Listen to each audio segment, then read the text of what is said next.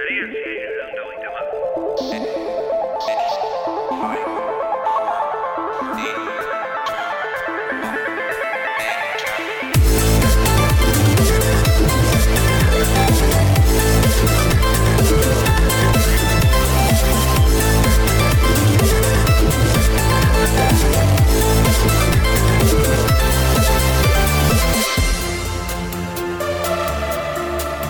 Asaguruetako iragarkietan esaten duten bezala bizitzan ustekabeko asko gertatzen dira. E, gure kasuan ez dugu e, asegururik salduko, baina egia da, e, aste honetan ustekabeko txiki bat e, izan dugula. Ba, pasaden programen bezala azkenean mm, bizitza oso oso komplikatua da.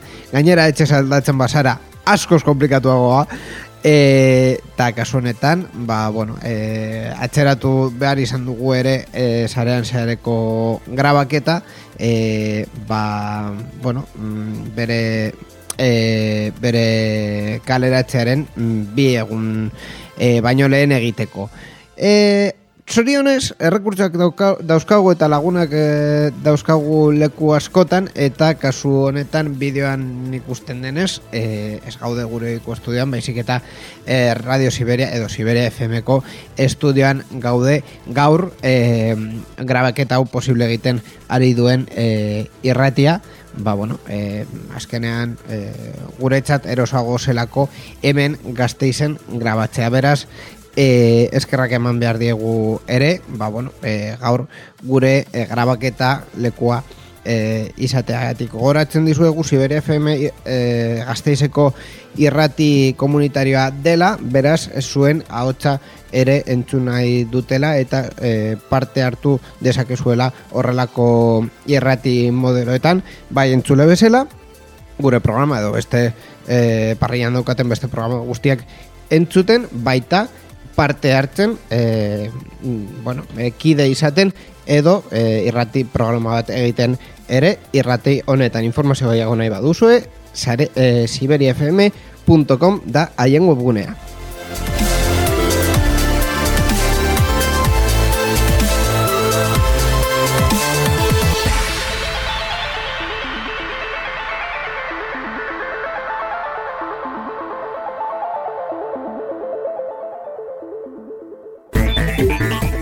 Irratsaio hau Creative Commons aitortu ez komertziala partekatu berdin lau puntu zero nazioarteko lizentziarekin banatzen da. Horrek esan nahi du gure idukiak nahi beste partekatu ditzazkezula. Informazio gehiago nahi baduzu josarean zehar.eus webgunera.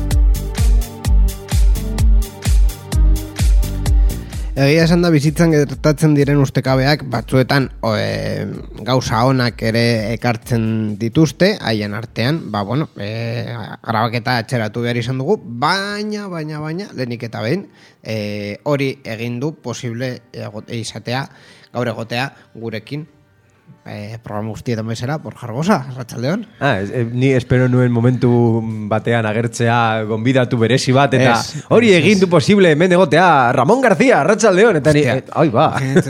Ramon Garciarekin hitz egitea, kurioso izango litzateke, atxo bertan, egon nintzen ikusten, eh, mm, El Gran Prix.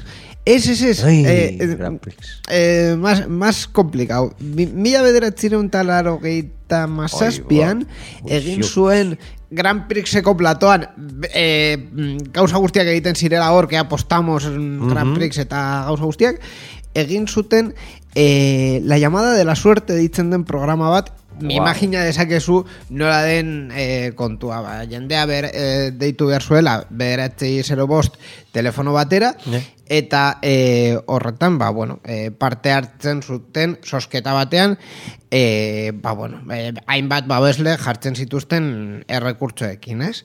Ba, eset, Arkatu, zatitxo bat ikusi ikusi nuen eta, bueno, bi gauza argi geratzen dira hor. Lehenik, lehenik eta behin, ze, ze epoka eta ze nola egiten zen telebista momentu horretan, batez ere mm, neska asko zeudela hor, te, batzuk telefonista bezala, baina baita ere Ramon Garziarekin aurkezten zuena neska bat zen, e, ba hori, e, e, Arropa itxura, eta- itxura oso ona eki- e- oso onarekin, e, arropa gutxi eta gauzaiek, e, eta bestetik Ramon Garzia mm, edozin gauza aurkeztu dezakela. Osea, jartzen diozu, nahi diozuna, eta bera oso ondo aurkezten du.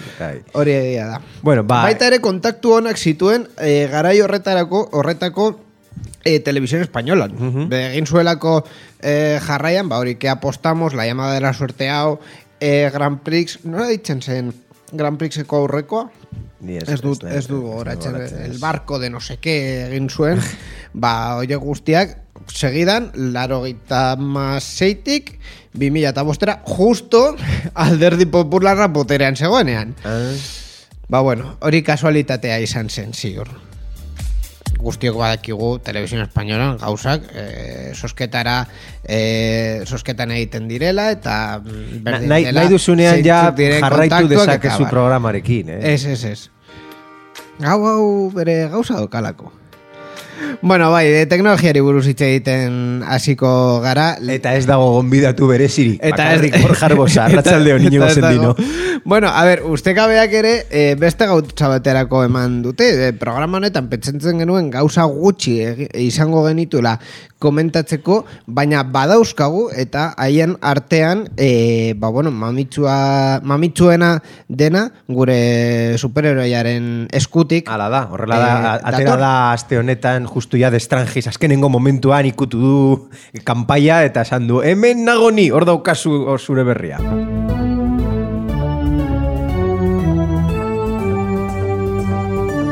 Europar batasunaren berria. Sarean zehar. Ba, bueno, Europar batasuna ere komunikabideetan egon nahi dene, ez, e, e, argitaratu dute proiektu bat daukatu, daukatela eskuen artean, proiektu hori deitzen dena merkatu digitalaren legea.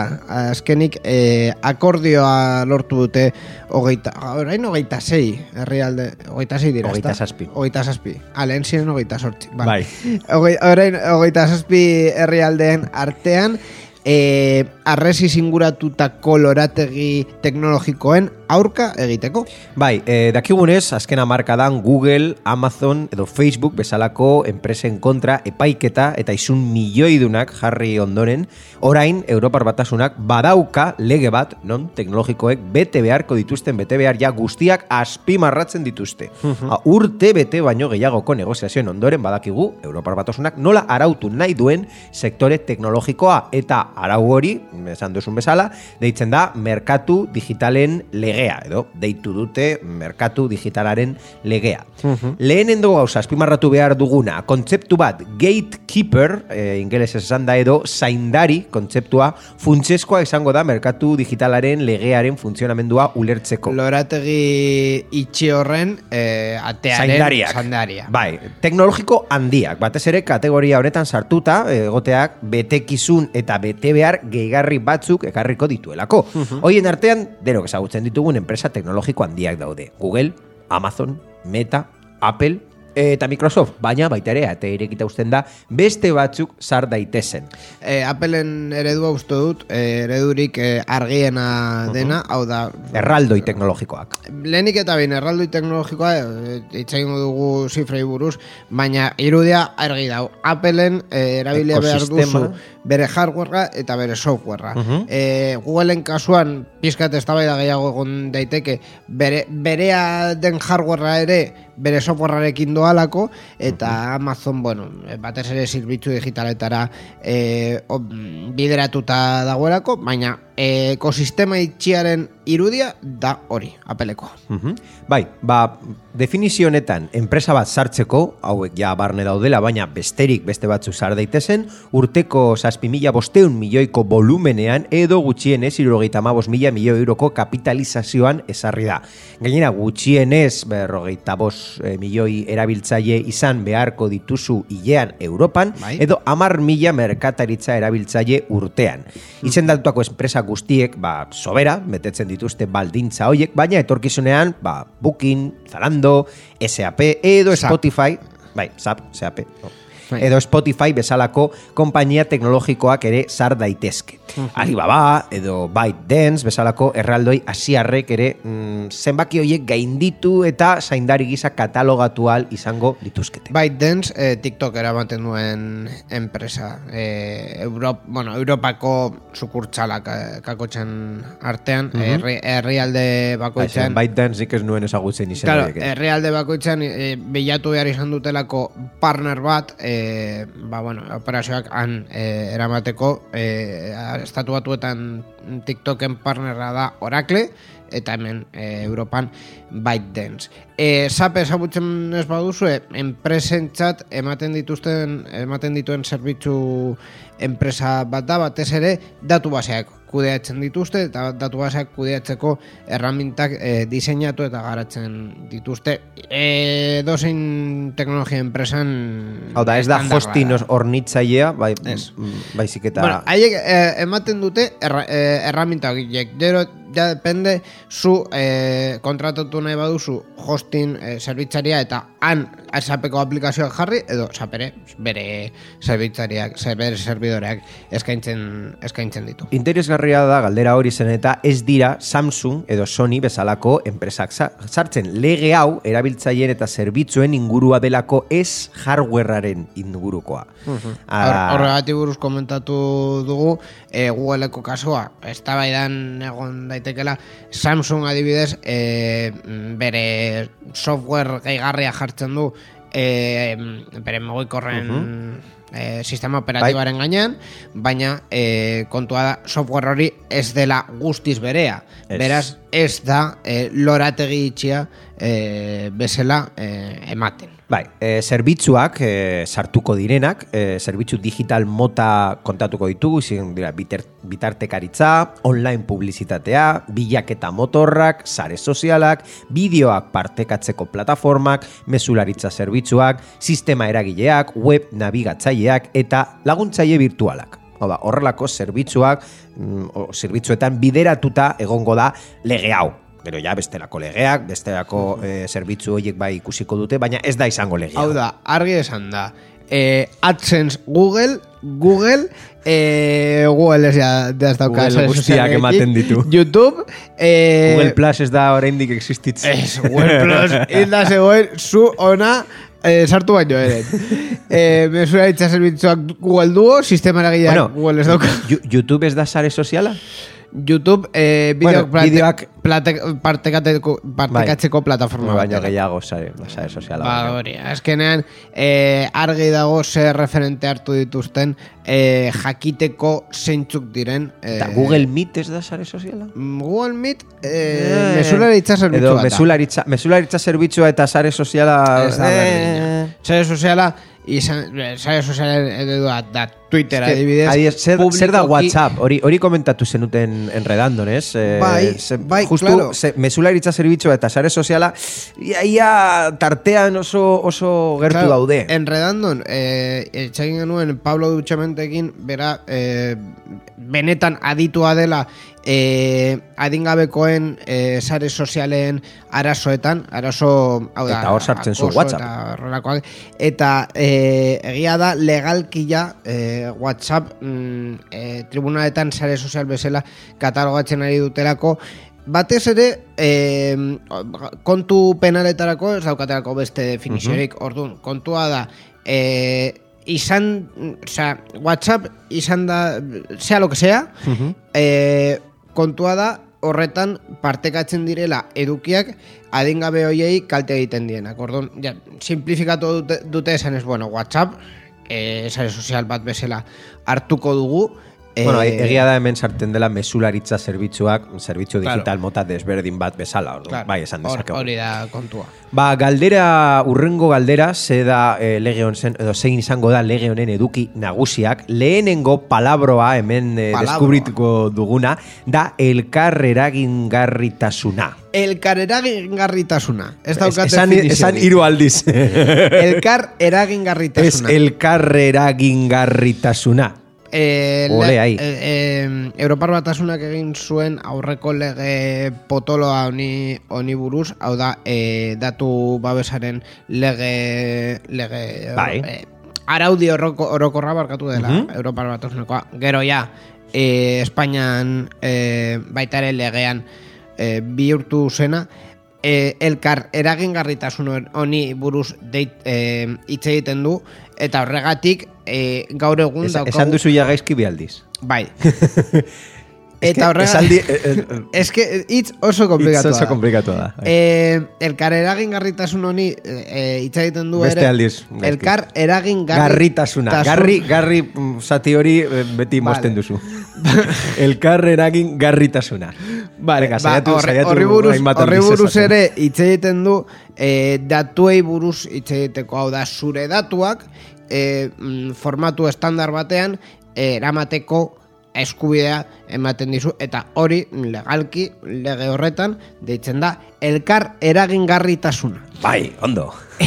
Hemen ere honi buruz hitz egingo dute, baina beste esfera batean, ez? Bai, e, azkenean eh, erabiltzaileak hautematen duen e, proposamenik mm, errazena da Europar Batasunak behartuko duela erraldoi teknologikoiek beren aplikazioen elkar eragingarritasuna erraztea. Hau da, iMessage, adibidez, Androiden funtzionatu beharko du eta signaletik WhatsAppera mezu bat bidaltzea posible izan beharko da.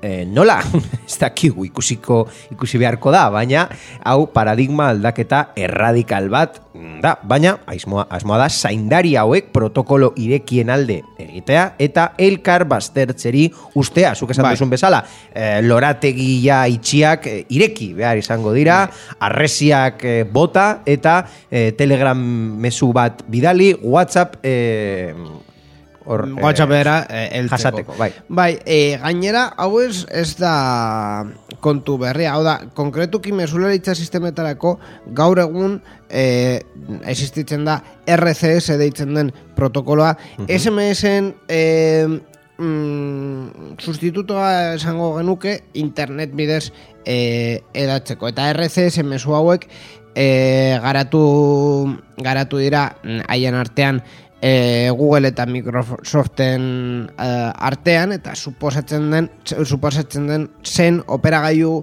askok sartu, sartuko zirela eh, honetara SMS-ak alde batera usteko eta RCS mesulaitza e, sustatzeko haien sareetan eta haien e, sistemetan. Hau ez da gertatu, hau 2018tik pendiente daukagu eta ez da gertatu, baina e, estandar bat dago aplikazioen, operagailuen eta sistemen artean mezuak partekatzeko e, erraz. Beste eredu mm, batzuk daude ere, adibidez, e, Internet of Things e, eremu horretan mater estandarra daukagu, garatzeko dagoela baita, baina bueno, e, eredu bezala hor dago. Azkenean, e, honen sistema guztien erronka da nola konfiguratzea zifratze maila eta zifratze sistema e, mm, servidore hain e, diferenten Bai, zen, artean. Facebook bat erabiltzen du, WhatsApp beste bat, Telegram beste bat, Claro. nola, nola lortu hor elkarrera gingarritasuna. Hori, hori da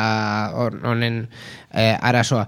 Beste adibide batzuk dauzkagu lege honetan, ezta? Mhm, bai, ba, adibidez, ezabatu eh, ezin diren aurrez aurre instalatutako aplikazioak. Aplikazio jakin bat erabili nahi badugu, onartzera behartzen gaituzten zerbitzuak, edo nabigatzaile jakin batzuk lehen etxita sartzea. E, hori ja, ez zenbat aldik ikusiko dugu, lehen eta behin eh, Microsoftekin, bere nabigatzailea Internet Explorer, eta gero ja... lehen, eta orain Edge, Windows hamarrean eta batez ere Windows hamaikan sartzen dutela ia... Con calzador. Bai, bai, bai.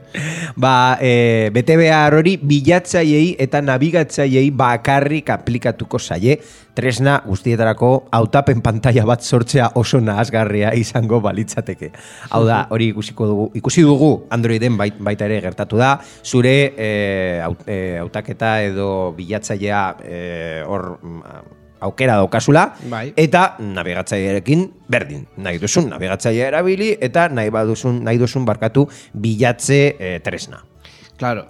E, azkenean kontua da, Apple ere e, aurrera pausu asko egin ditu bere sistemaragian. Kontua da, sistemaragian e, beharrezkoak ez diren aplikazio guztiek ezabatzeko aukera izatea. Hau da, mugikorra horrekin etor daiteke, baina ni adibidez ni, nire mugikorrean orintxe bertan e, mm, mail ezabatu nahi badut, Esaten den bezala Safari, sistema operatibo garbia, hau da, Bai, ekartzen hori dena da. utzik eta zu nahi duzun aplikazioekin nahi dituzunak bakarri sartzen dituzu eta ez dago sistema operatibo bat mm, kargatuta dagoena ja eh, aurrez aurre erosten duzunean. Gero, aplikazioen dendei eta ordainketa sistemei ere eragiten die. Gaur egun, eh, juizio individualak eta azkenean lege bihurtuko diren hoien beste adibide bat. Adibidez, Epic Games Appleekin duen borroka eta ordainketa sistema propioak erabiltzeko aukeraz hor dagoeneko eh, ja beste berri batzuk agertu dira, eh, kontatuko dugu nahi baduzu hor eh, gidoian jarri ditugunak. Beta, baita ere, iOS eta Android bezalako sistema eragiletan aplikazio alternatiboen dendak egotea. Oza, ez bakarrik aplikazio denda ofiziala, baina mm, aplikazio denda alternatiboak baita ere erabiltzeko aukera emotea. Claro, eh, ba, hildo berean, ezta? Hau da, App Store etor daiteke eh, moikor honetan, baina aldatu nahi badut eta eh, Amazon App Store hori jarri nahi badut, Bai. ba, aukera, aukera izatea.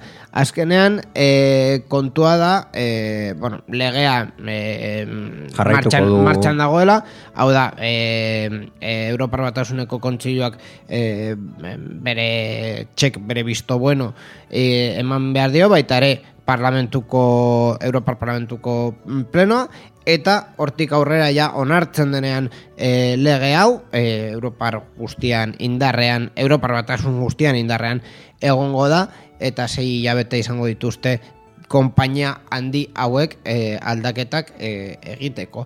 Komentatu duzun bezala, eh, honen bat aldaketa txiki bat egin du azken i- azken egunetan eh, pizkat aurrerapen bezala. Play Storen aldaketa egongo dela ordainketa sisteman eh, sistema alternatiboak edo eh, bide alternatiboak albidetzeko, ezta? Bai, Google ja aurrera pausu eman du lege hau esarriko duen sistema jartzeko, esartzeko, eta bere Play Storen ordainketa sistema alternatiboak ahalbidetuko ditu, eta beraz, erabiltzaileak, ba, ez dute, naita ez, Play Storeko ordainketa plataformatik igaro beharko, User Choice Billing, edo erabiltzaileak aukeratuako fakturazioa, izenpean. Google eta Spotifyren, konkretuki, akordio batekin, hasiko dira lehenengo probak. Azkenean, e, kontu hau izan da, e, urte, pasaden urte osoan komentatu genuen e, kontu nagusiena, hau da, e, enpresa batzuek bere satia mm, osorik nahi dute eta batez ere Google eta Apple esaten diete ez, ez, e, sistema infrastruktura mantendu behar dela e, App Store bi horiek mantentzeko eta hemen ordaindu behar dira gauzak, haien ordainketa sistemen eh, Erosketak bidez. inap deitzen zenak edo aplikazioaren Hori. barruan hor baita ere bere komisioa nahi zuten. Claro, gaur egun eh, arpidetza sistema guztiak, hau da, mm, bai Netflix, Dazon, mm, Spotify. Spotify, Nahi duzuna. dena delakoa, mugikor bidez, eh, zuzenean kontratatu dezakezu, baina eh, mm, iPhoneen egiten baduzu, horren eh, zure arpidetzaren euneko hogeita marra apelera doa, eta Androiden egiten baduzu, mm, eh, Google Play bidez, eh, horren em, portzentai berdina Google doa. Orduan, hau e, ekiditu nahi, nahi dute, azkenean, e, lehenik eta behin akordioak egiten enpresen artean. Eta azkenean erabiltzaileak azkenengo hitza izatea. Claro, eta azkenean, e, Europar batasuneko legea helduko da, eh, esan ez, bueno, ba, hau horrela izan behar da, orain legez, hau da, aukera alternatiboak egon behar dira, suposatzen dut, legeaz duela esango mm, ze motatako eh, akordioak egon eh, behar dira, edo nola e, ahalbidetu kontua, baina ahalbidetu behar da, eta erabiltzaileek aukera izan behar dute e, ordenketa alternatiboiek, e, ordenketa bide alternatiboiek e, izateko.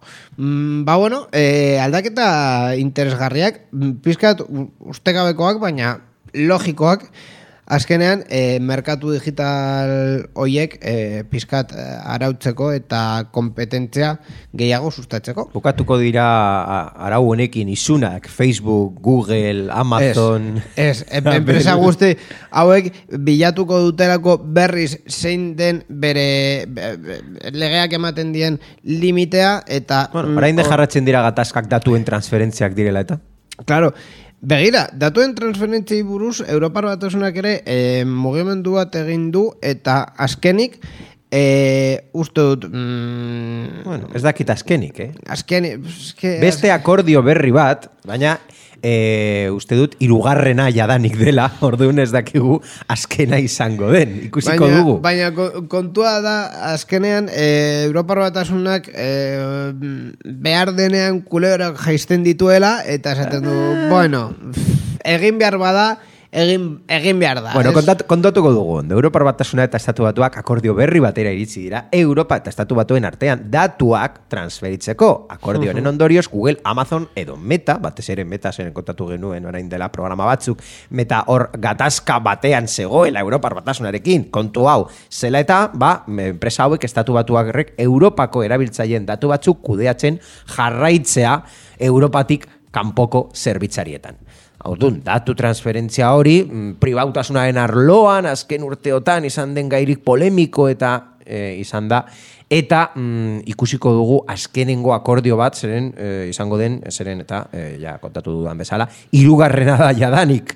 Ursula von der Leyen, Europako batzordeko presidenteak azaldu nuez, posik dago aurre akordioarekin, eta, itun horrek, aurre ikusteko moduko datu fluxu fidagarriak ahalbidetuko ditu, sekurtasuna, pribautasunerako eskubidea, eta datuen babesa orekatuz. Ez dakigu nola orekatuko dituen, baina hori da esaten Bai. dutena, esaten duena Ursulak, Bueno, gutxienez. a- azkenean, ba hori, kompromesu bat e, bi- bilatu behar da. Momentu honetan ja, e, zerbitzu horiek e, hainbeste garatu direnez, ba ezin da esan, bueno, ba orain, mm, araudi berriak, ba, arazoak sortzen ditu hori. Gero, aztertu dezakegu, ze motatako arazoak, eta arazo horiek merezi baduten edo ez, baina kontua da, baina e, ez dela momentua araudi oso zorrotzak egiteko agian duela hogei urte bai, baina momentu honetan justu ez. Fidatu beharko gara, ez? Bai, fidatu beharko gara eta espero dugu e, araudi hau nahiko izatea, ba, bueno, gure datuak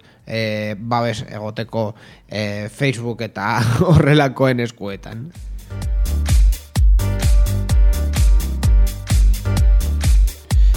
Gai ez guztiz aldatuko dugu Apple e, proposamen batean lan egiten e, ari duelako e, iPhonea alokatzeko. Hau da, e, arpidetza sistema mm, bezala e, izateko gure iPhonea. Bai, momentu zurrumurruak dira, Bloomberg atera du, hau da, iturria, eta Apple iPhone eta gainerako hardwarea, hau da, iPad baita ere, hileroko arpidetza zerbitzu batean, mm, zerbitzu hoien esker, eh, erabiltzaileek lehen aldiz alokatu ahal izango dute hardwarea konpainiaren, eh, konpainia honen, Appleen konpainiaren historioan.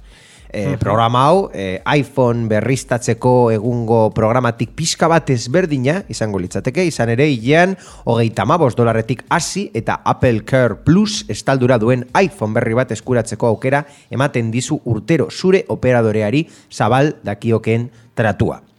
Programa ez da ofizialki iragarri, momentuz bakarrik zurrumurua, eta gaia ezagutzen duten pertsonaren arabera oraindik garatzen ari da, baina autoen rentin, bezalakoa, izango litzateke, Appleen negozioarentzat aldaketa nabarmena izango da, hardware salmentatik lortzen duelako bere diru sarrera gehienak, eta mm, kasu honetan mm, ez da izango eh, txorroi dirua momentu batean iPhone ateratzen denean, eta bere salmenta hilekoarekin, baizik eta ba, mm, jendea arpidetzen den sistemarekin, baina izango du eh, bere diru sarrera mm, mota honekin. Bueno, baita ere, supon, imaginatuko dut, jarraiko duela saltzen, hori hau izango dela sistema alternatibo bat, pertsona askorentzako interesgarria izango dena, ezta?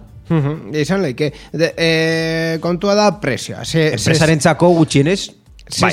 Kontua da zesan neurri jartzen duten. Azkenean, e, azkenengo iPhone hori hilean e, berrogei eurotan jartzen badute, ba, agian ez bi urtetan iPhone hori erosi dezakezulako.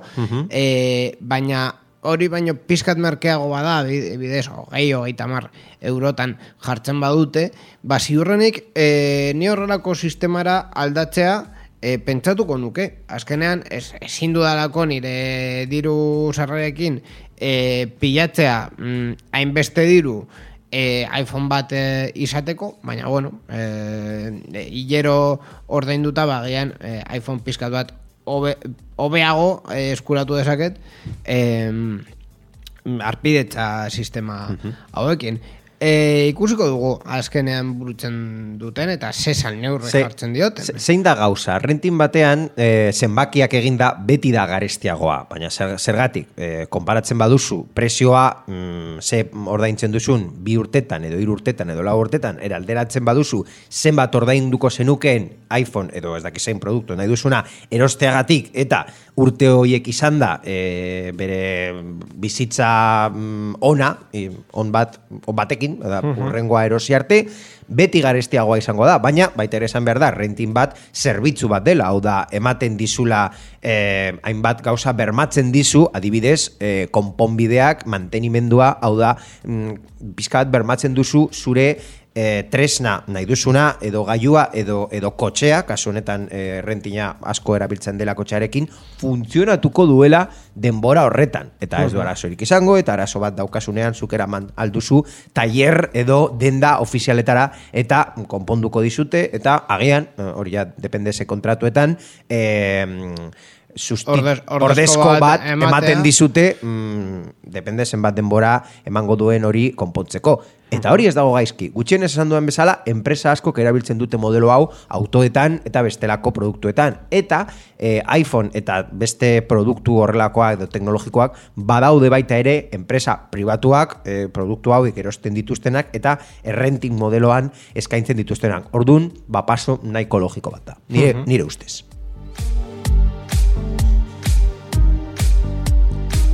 Beste kontu bati buruz itxengo dugu kasu honetan e, lan e, legeen kontuetan sartuko gara justiziak bermatu duelako e, enpresa batek e, pantalla monitorizatu al izatea telelana egiten duzun bitartean. Bai, hori da. E, dakigunez, telelana oso oso popularra bihurtu da azken bi urteetan pandemia dela eta Bai.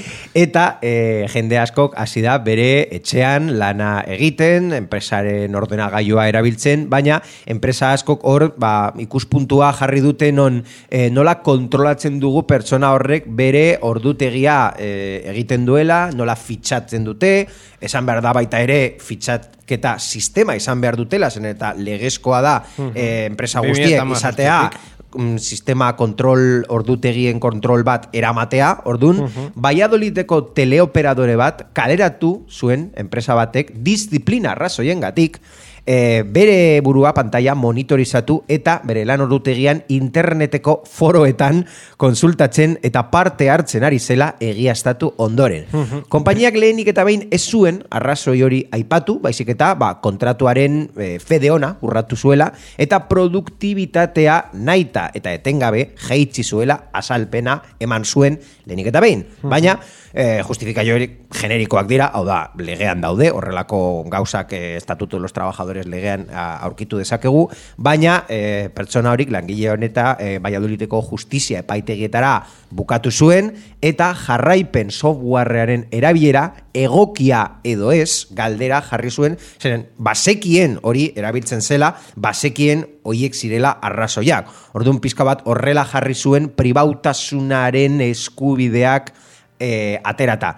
Eta e, ikusi ziren bere kondizioak. Eta izan ere enpresak langilearen gailu pertsonalean jarraipen software, bai, instalatu zuen, baina instalatu aurretik haren funtzionamenduare busko zehaztasun guztiak berri eman zion langileari, eta horrek berari asko baimena eman zion ura erabiltzeko, hau da gaztelera esaten dena konsentimiento informado, e, babes, e, lege babesarako e, reglamenduan baita e, oinarrizko legean dauden kontzeptuak. Eta hori, ba, kaltetuak esplizituki baimendu zuenez, justiziak, uste du, intimitaterako eskubidea urratu gabe erabilizela. Claro, hemen bigako daude batetik e, pertsona honen e, telelanerako gailua bere gaiu pertsonala zela, ez zela enpresarena, bezik eta bere gaiu pertsonala, e, horregatik e, zalantzan jartzen da hori legezkoa den, bere gaiuan zerbait e, instalatzea enpresa e, kontrol hori izateko. Hori printzipioz legezkoa da, esan dugunez, e, kontzen, bere kontzentimendua, bere onarpena eman zuelako, e, eta suposatzen dut ere azaldu ziet, ziotelako e, ze... Zentzuk ziren konsekuentziak Claro, mm, eta, zeus- eta zeren denbora tartean egongo zen kontrol hori. Claro, ezin duzulako esan e, mm, pertsona batek... ordutegia, Claro, cla- ordutegia. Claro, ezin duzulako esan pertsona batek e, kausa pertsonak egiten ari dituela lan orduetan, Mhm. e, erabilera hori lan orduetatik kanpo gartatzen bada.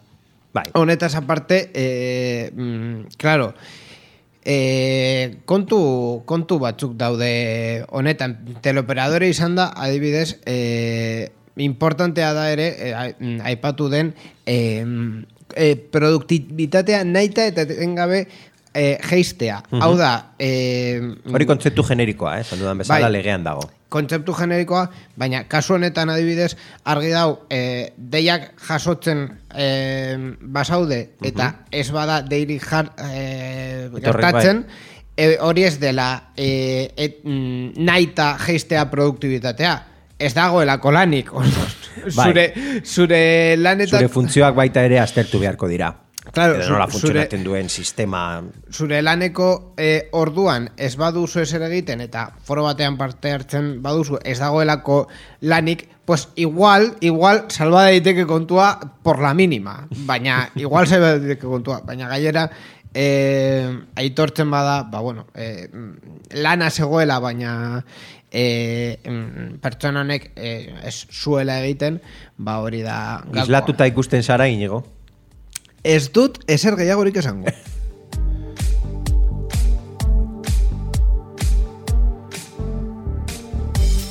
Eta formatu txikiagoan komentatu ditu, komentatuko ditugun berrien artean, adibidez, Australiak meta salatuko du, Facebook, barkatu salatu du, Facebooken iruzurreko iragarkiak baimentze agati, bai, baimentzagatik herrialdeko ospetsuen irudiekin eta hau da gakoa herrialdeko ospetsuen irudiarekin. Batez ere, bai. Australiako leia eta kontsumitzaileen batzordeak, ba, Australiako merkatu eta, Eta leiaren batzorde, batzorde nazionala, bai. Ba, prozedura judizialak hasi ditu metaren aurka, eh, Facebooken herrialde honetako pertsonai ospetsuak agertzen ziren iruzurrezko iragarkien bidez, jokabide faltsuak eta eragingarriak zabaltzea ahalbidetu zuela argudiatuta. Gainera formatua ezagutzen dugu. Ba, Kasu batzutan agertu da horrelako egunkariaren lehenengo eh, irudia jartzen ba, adibidez Pablo Motos eh, hace una inversión que deja sorprendido a todo el mundo. Bai, Ba, horrelakoak eh, argi dau Espainian, Espainiako legearekin eh, ez dira legezkoak, claro, uh bilatu behar da nor egin duen hori, baina hori eh, argi dau ez dela Click, clickbait legezkoa. publizitarioa, ez? Claro, gainera, eske Pablo Motos ez du bere idudia eman horretarako. Ah, hor dago gakoa. Hor dago gakoa. Erakunde horrek ziurtatu duenez, iragarki horiek estekak zituzten Facebookeko erabiltzaileak ustez komunikabide realak argitaratuko artikulo faltsuetara eramaten zituztenak, eta hoietan pertsona horiek esleitutako aipamenak agertzen ziren. Haietan ospetsuek kriptodibisetan egindako inbertsioak edo ustez ziegiak ziren dirudia, dirua irabasteko beste metodo batzuk babestuko zituzten hoien bidez sari handiak lortzeko. Claro. Eh, hemen, basikoki, no me voy a poner muy legal, baina eh, em, Facebooki esan diote, metari esan diote, hemen tú tienes la responsabilidad in vigilando, Bai. así que tira pa'lante. Hau da, printze nigeriarraren timoa, baizik eta zuen famatu eta ospetsuaren timoa. Claro, kontua da, eh, mm, Facebook, mm, eh, eh, Australian esaten diotenez, kontrolen bat izan behar duela eh, ikusteko i- iragarki hori nora doan eta eh, ze eduki daukan eta batez ere iragarki horretan eh, bere baimena eman ez duen pertsona baten irudia erabiltzen dela. e, baita ere mm, berrikusi ahalko dute adibidez e, iragarki hori e, agentzia edo enpresa e, famatu edo errepetutuen esperientza daukaten enpresetik badator ziurrenik ezetz osea, mm, moduak dauzkate horrelakoak e, kontrolatzeko. E, beste kontuetan, Google e, maiatzenen amaikan eta mabian garatzaileen urteko ekitaldia e, izango du eta kasu honetan presentziala izango da. Bai, Googleek bere Google I.O. edizio berri bat iragarri du, ekitaldi hau maietzaren amaikan eta mabian izango da, eta e, aurrez aurreko asistentzia berreskuratuko du. e, kasu honetan egingo du Kaliforniako Mountain Viewen Shoreline anfiteatroan, bai. baita ere online emango da, baina mm, beren e, titular nagusia, mm, gero ja edukiak egongo, egongo dira, noski horia kontatuko dugu maiatzaren amaikan eta mabian egingo dugun urren programan, baina kasu honetan, ba, jakingo dugu zeintzuk izango dira e, horrelako datak eta sistema. e, ba, 2000 eta meretzean adibidez egin zuten bezala gainera uste dut leku berdina dela horrelako e, leku natural oso handia dela e, zuaitzekin eta e, oso ikusgarria den lekua. Gainera e, Sunder Pichairen e, irudia baita ere potentziatzeko nahiko, nahiko leku polita ikusgarria eta 2000 eta emeretzien ikusi genuen genuen bezala, ba, bertan egongo da jendea, baina baita ere, e, YouTubeko Googleen kanalearen bidez ikusgai egongo da. Eta azkenik berriekin bukatzeko, Netflixek frogatu du ordeinketa gehigarri bat egitea etxetik kanpo e, dauden e, kontu komun horiek erabiltzeagatik. Nork ez daukana, ez? Eh? Netflix proba bat iragarri du eh, plataformako arpidetzaz gain, beste kopuru bat kobratzeko kontua etxetik kanpo bizi diren eta profil partekatuta duten pertsonekin. Hau da, pertsona asko erabiltzen dute family deitzen den akontua, non eh, bost eh, akontu bueno, ezberdin izan ba, ver, aldituzu. Family, ez, ez dira bos, ez? Eh, direla lau edo... Sei, que uste dute... Ez que depende eh, zein, zein depende plataforman dira lau, bost, sei, eh, iru... Ez daki, bueno. Disney Plusen dira uste dut sortzi. Spotify baita ere dauka... Spotify dauka eh, familia eh, bai. mm, eh, suskripzioa, bai. es? Eh, amabi euro Zein da gakoa? Eh, itxoin, amabi euro eraintzen dituzula eh, bost akontu ezberdinetan mm, bai. premium izateko. Netflixen kasuan akontu bakar batekin eh, bost profil sortu aldituzu, orduan bai. jende asko gara ditu bost profil horiek eh, etxetik kanpo dauden beste pertsona ba, eh, batzuekin e, ba, hori, zerbitzu apartekatzeko. Diru aurresteko. Hau da, zenbat, zenbat gente egiten du hau, ba, diru dienez asko, zeren eta pertsona batek akontu bat e, erosi eta gero ikusteko zenbat prezioa ordainduko duen, ba, bere hiru edo lau lagun eta ez familiarekin ados jartzen, ba, guztion artean ordaintzen da hileko arpidetza eta bost pertsona daukate onelako e, akontua edo sarrera. Zein da mm, gauza, ba, Netflix hori, ba, ez saiola inbeste gustatu, ez da Netflix bakarra, hau da, bai. Spotify horrelako kampaina ateratzen du, esan ez, zu ez basara familia ezin duzu hau egin, eta ikusiko dugu ea leku desberdinetatik konektatzen dituzuen zuren e, dispositiboak edo etxe berberan bizi basareten, eta e, konpainaren arabera, elkarrekin bizi ez diren pertsonek, hainbak kokalekutatik profil komuna erabiltzeak eragina du, Arpide, Arpide Unetzat, va, telebistako programa eta fil berrietan inbertitzeko gaitasunean. Hau da, ez dute inbeste diru sarrerak lortzen eta ezin dute eh, programa berriak sortu. Gua, gua, gua, Netflix, gua, gua, Aziko dira eh, formatu hoiekin, Txilen, Costa Rican eta Perun. Frogak egiten, zen, eta haber zeintzuk diran emaitzak. Agian horrelako eh, proga jartzen dituzte eta ez dute hainbeste diru lortzen, zen jendeak azkenean ez du mm, behar den dirua ordaintzen bere bakar mm, akontua izateagatik. E, ikusten duzu zeukadan eskuan? Telefono bat? Telefono bat. Badakizun nori deituko dion. Di, dio dan. Nori?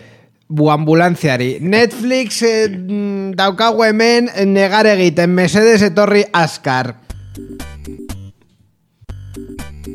Titulol.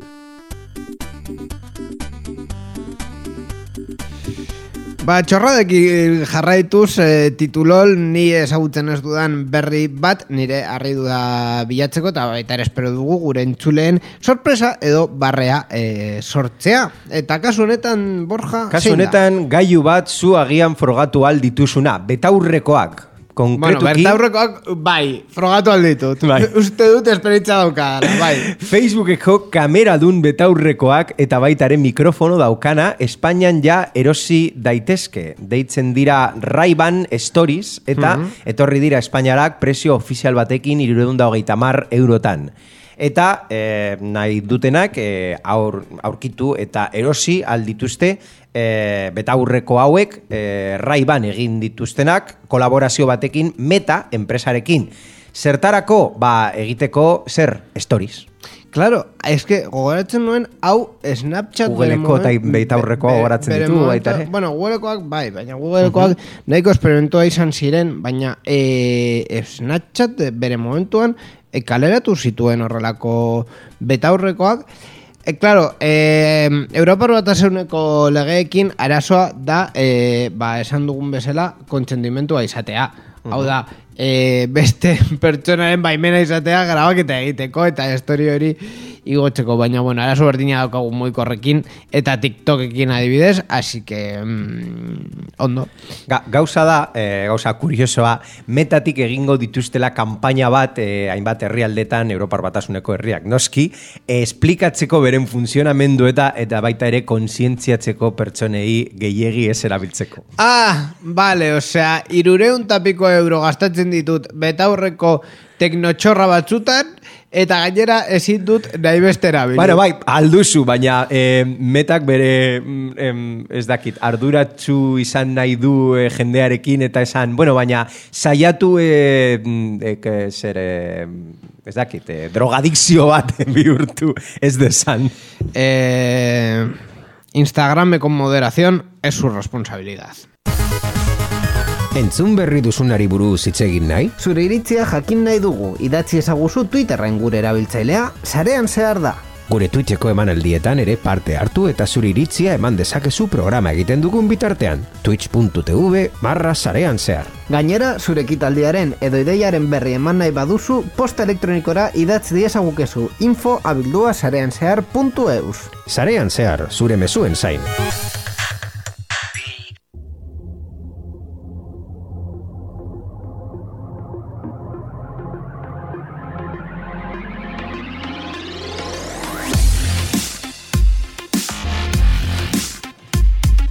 Ba, onaino zarean zehar irureunta hogeita amabi hau, e, non batez ere Europar batasunari buruz asko hitz egin dugu, e, baina azkenean hitz egin dugu Borja Arbosa, e, ekarri dituen, dituen berri buruz, mm, bere berriak ekartzen ez baditu, ba, hemen ez delako eseri buruz hitz egiten eskerrik asko Borja.